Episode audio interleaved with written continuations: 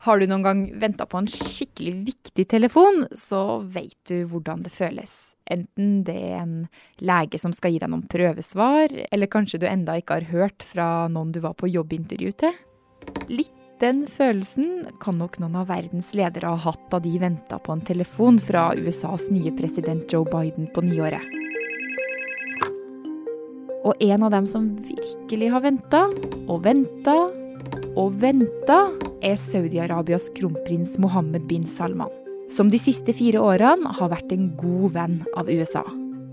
Men han fikk aldri en telefon. Du hører på Forklart fra Aftenposten, og jeg er Marit Eriksdatter Gjelland.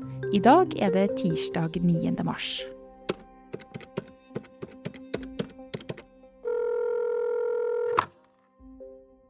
Kristina Pletten, du er kommentator her i Aftenposten. Hvor viktig er det da å få den første telefonen fra USAs president?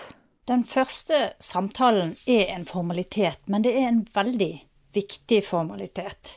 Eh, denne samtalen signaliserer jo hva presidenten prioriterer, hva han eller hun kommer til å legge vekt på i fremtiden og i løpet av sin periode. Så dette blir fulgt veldig nøye, og det vekker mye oppsikt hvis noe er annerledes, eller noen ikke får den telefonen som eh, forventet. Og den 20. januar så, så, ble jo Joe Biden innsatt som president, og ettersom han etter hvert begynte å ringe sine viktigste venner i utlandet, så kom det jo også noe som vakt oppsikt. Han ringte først sine nærmeste, bokstavelig talt. Han ringte til Canada og Mexico. Og så ringte han til sine nærmeste allierte i Europa, de største landene, altså Storbritannia, Tyskland og Frankrike. Så alt dette her er viktige signaler fra Biden-administrasjonen, der kanskje eh, det som er rundt, er viktigere enn innholdet i selve samtalen. da. Og så var det jo selvfølgelig noen som ikke fikk en telefon slik som forventet. Og det var Saudi-Arabia. Men Kristina, hva er det som er så rart med at Saudi-Arabia ikke fikk noe telefon? Saudi-Arabia er jo vant til å få mye oppmerksomhet fra USA. De er USAs beste venner i den arabiske verden, og de er en viktig alliert for amerikanerne. Og vanligvis så har det jo vært sånn at amerikanske presidenter har ringt til Midtøsten veldig raskt etter at de ble innsatt. Saudiene ble veldig bortskjemt i løpet av de fire årene med Trump. Eh, så det var eh, mange som reagerte på at det tok så lang tid. Ja, for Trump ringte jo ikke bare Saudi-Arabia da han var president. Han dro jo også på sin aller første utenlandsreise akkurat dit. Men Kristina, eh, altså, hvorfor Saudi-Arabia? Dette er jo et land som blir ganske mye kritisert for bl.a. å bryte menneskerettighetene? Ja, Saudi-Arabia har eh, et veldig strengt regime, bl.a. for kvinner, eh, og blir ofte kritisert for det. Men det er mange grunner til at dette landet har vært en viktig støttespiller for USA, og for, også for Nato. Eh, og det er fire hovedgrunner til det. For det første så er det sånn at Saudi-Arabia er en slags buffer til Israel i Midtøsten. Og for det andre så er oljeprisen i verden avhengig av hva Saudi-Arabia gjør. Saudiene har enorme oljereserver, og de kan styre prisen ved ettersom hvor mye de produserer. Og det har de ofte gjort sånn at når prisen har vært for lav, så har de kuttet litt i produksjonen, sånn at de holder prisen oppe. Det er viktig for hele den globale økonomien. Og for det tredje så er Saudi-Arabia viktig i USA sin kamp mot terrorisme.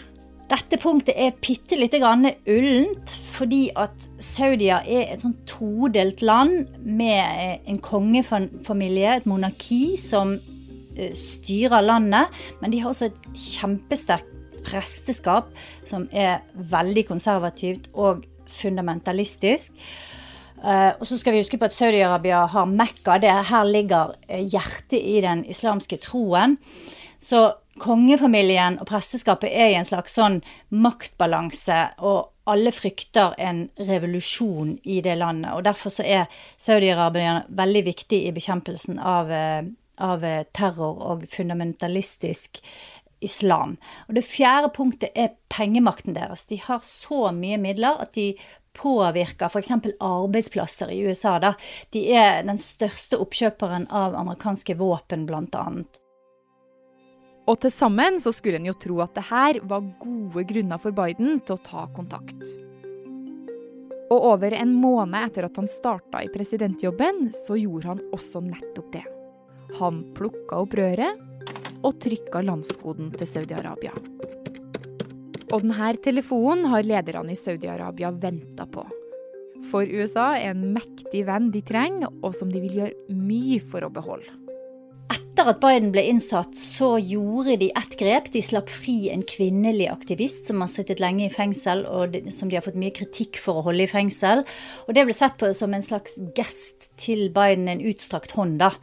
Eh, om at eh, se her, vi er villige til å eh, fire på, på våre prinsipper. Vi er villige til å strekke ut en hånd for å komme deg i møte.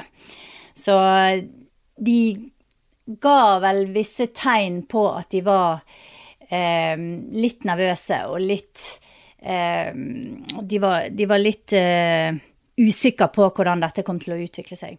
Så skjer det jo likevel endelig.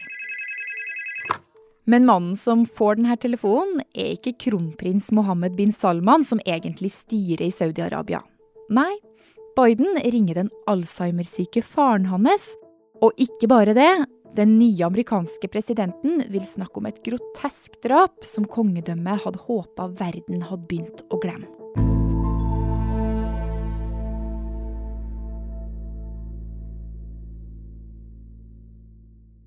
Kristina, hva betyr det når Joe Biden ringer faren til kronprinsen og ikke Mohammed bin Salman selv? Ja, Han ringer altså til kongen, kong Salman, som er 85 år og sterkt preget av Alzheimer.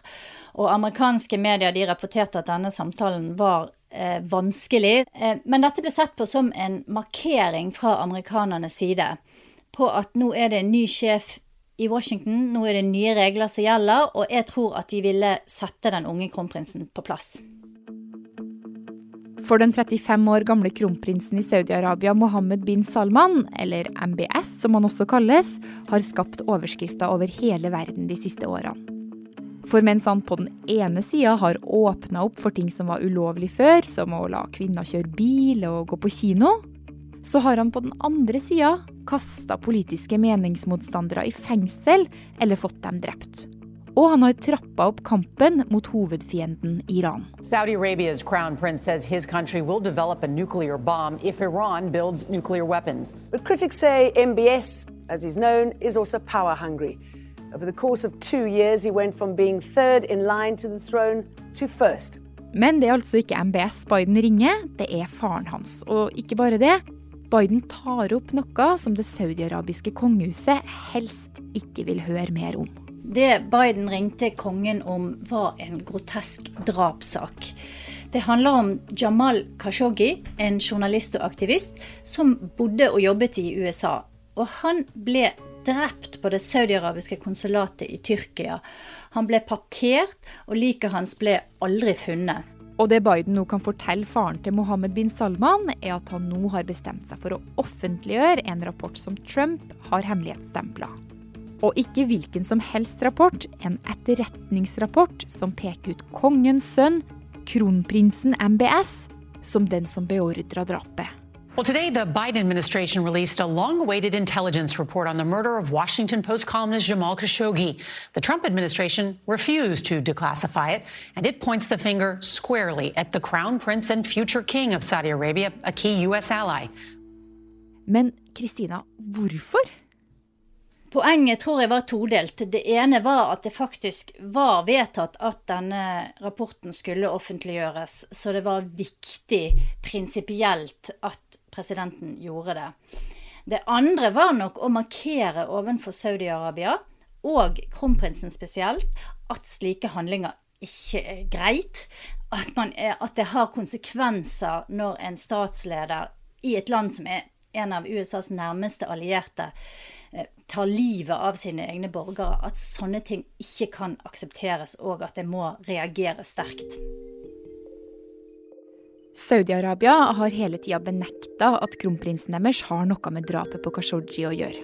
Så at denne saken kommer opp på nytt nå, er ikke akkurat en god nyhet for dem.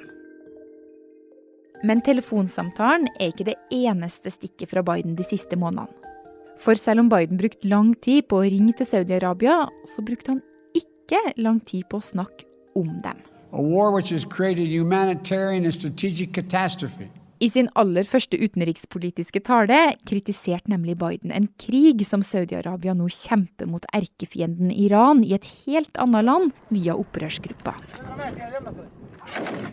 En krig som ifølge FN har tatt 233 000 liv, drevet over 3,5 millioner mennesker på flukt og forårsaka sultkatastrofe.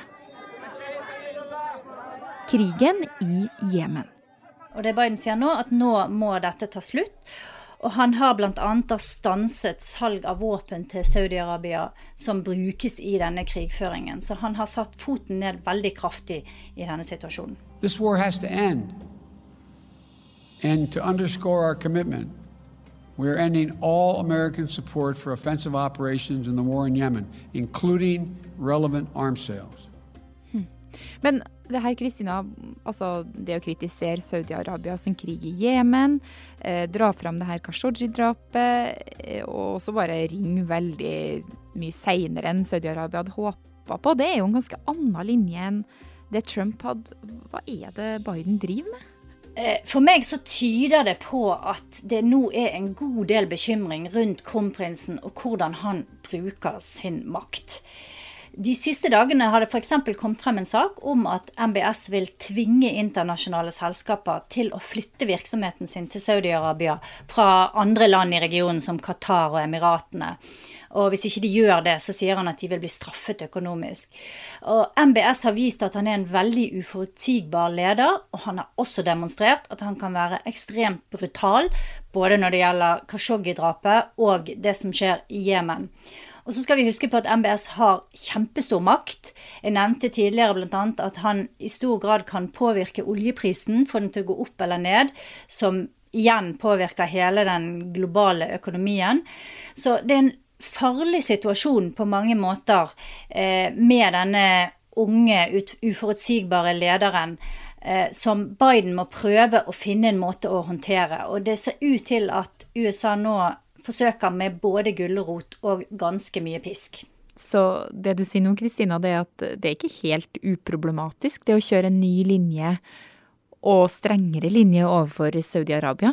Nei, det er ikke det. Og det er jo en fare for at kronprinsen reagerer igjen med å eh, slå tilbake på en måte som gjør ting enda verre, da. Eh, det økonomiske bildet er én ting. Han eh, har stor økonomisk makt og kan bruke det eh, til å tvinge frem sin vilje. Dette har Saudi-Arabia faktisk gjort før. Så han kan bruke pengene sine, og han kan også selvfølgelig bruke alle de nye våpnene sine, rasle med sablene, eh, antyde at Saudi-Arabia vil bruke militær makt i nabolandene, som også er skremmende. Eh, men så skal vi også huske på at Saudi-Arabia også er avhengig av USA. Så dette er et gjensidig avhengighetsforhold med ganske mye problemer eh, tullet inn i det. Så nå har vi jo zooma litt inn Kristina og sett på hva fraværet av én telefon og hva det kan bety. Men når vi ser litt større på det, tyder denne politikken mot Saudi-Arabia på at det blir veldig annerledes nå med Biden enn med Trump? Det er ganske annerledes på en god del punkter. Men det vil nok også være ting som som eh, minner om både det Obama og det Trump gjorde. Og eh, de, Trump hadde jo litt forskjellig tilnærming. Han, det første året så var han ganske effektiv i Midtøsten med det teamet han hadde da. De fikk bl.a. nedkjempet IS. Eh, og så skiftet han jo ut, som vi vet, alle folkene sine i ett kjør. Så det, det, var litt sånn vinglete, den politikken Trump førte, og for så vidt også den politikken Obama førte. Og det spørs om Biden nå vil være litt mer eh, bastant, litt mer forutsigbar, komme med litt tydeligere føringer og kanskje prøve å å sette foten litt mer eh, ned, da. Være litt mer sånn aggressiv. Eh, det, det, kan se sånn ut som det, som det er i den retningen han nå drar. Pisken er, er fram? Pisken er kommet frem, yes.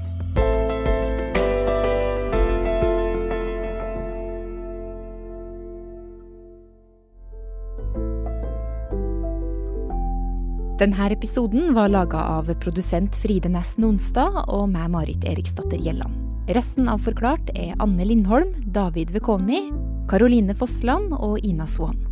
Du har hørt lyd fra det amerikanske utenriksdepartementet, CBS, Al Jazeera og nyhetsbyrået AP. Og forresten, jeg har også et tips til deg hvis du er interessert i USA eller amerikansk politikk, eller om du bare liker å høre analyser fra Christina Pletten, som var med i denne episoden. Da bør du absolutt sjekke ut Aftenpodden USA der du hører podkast.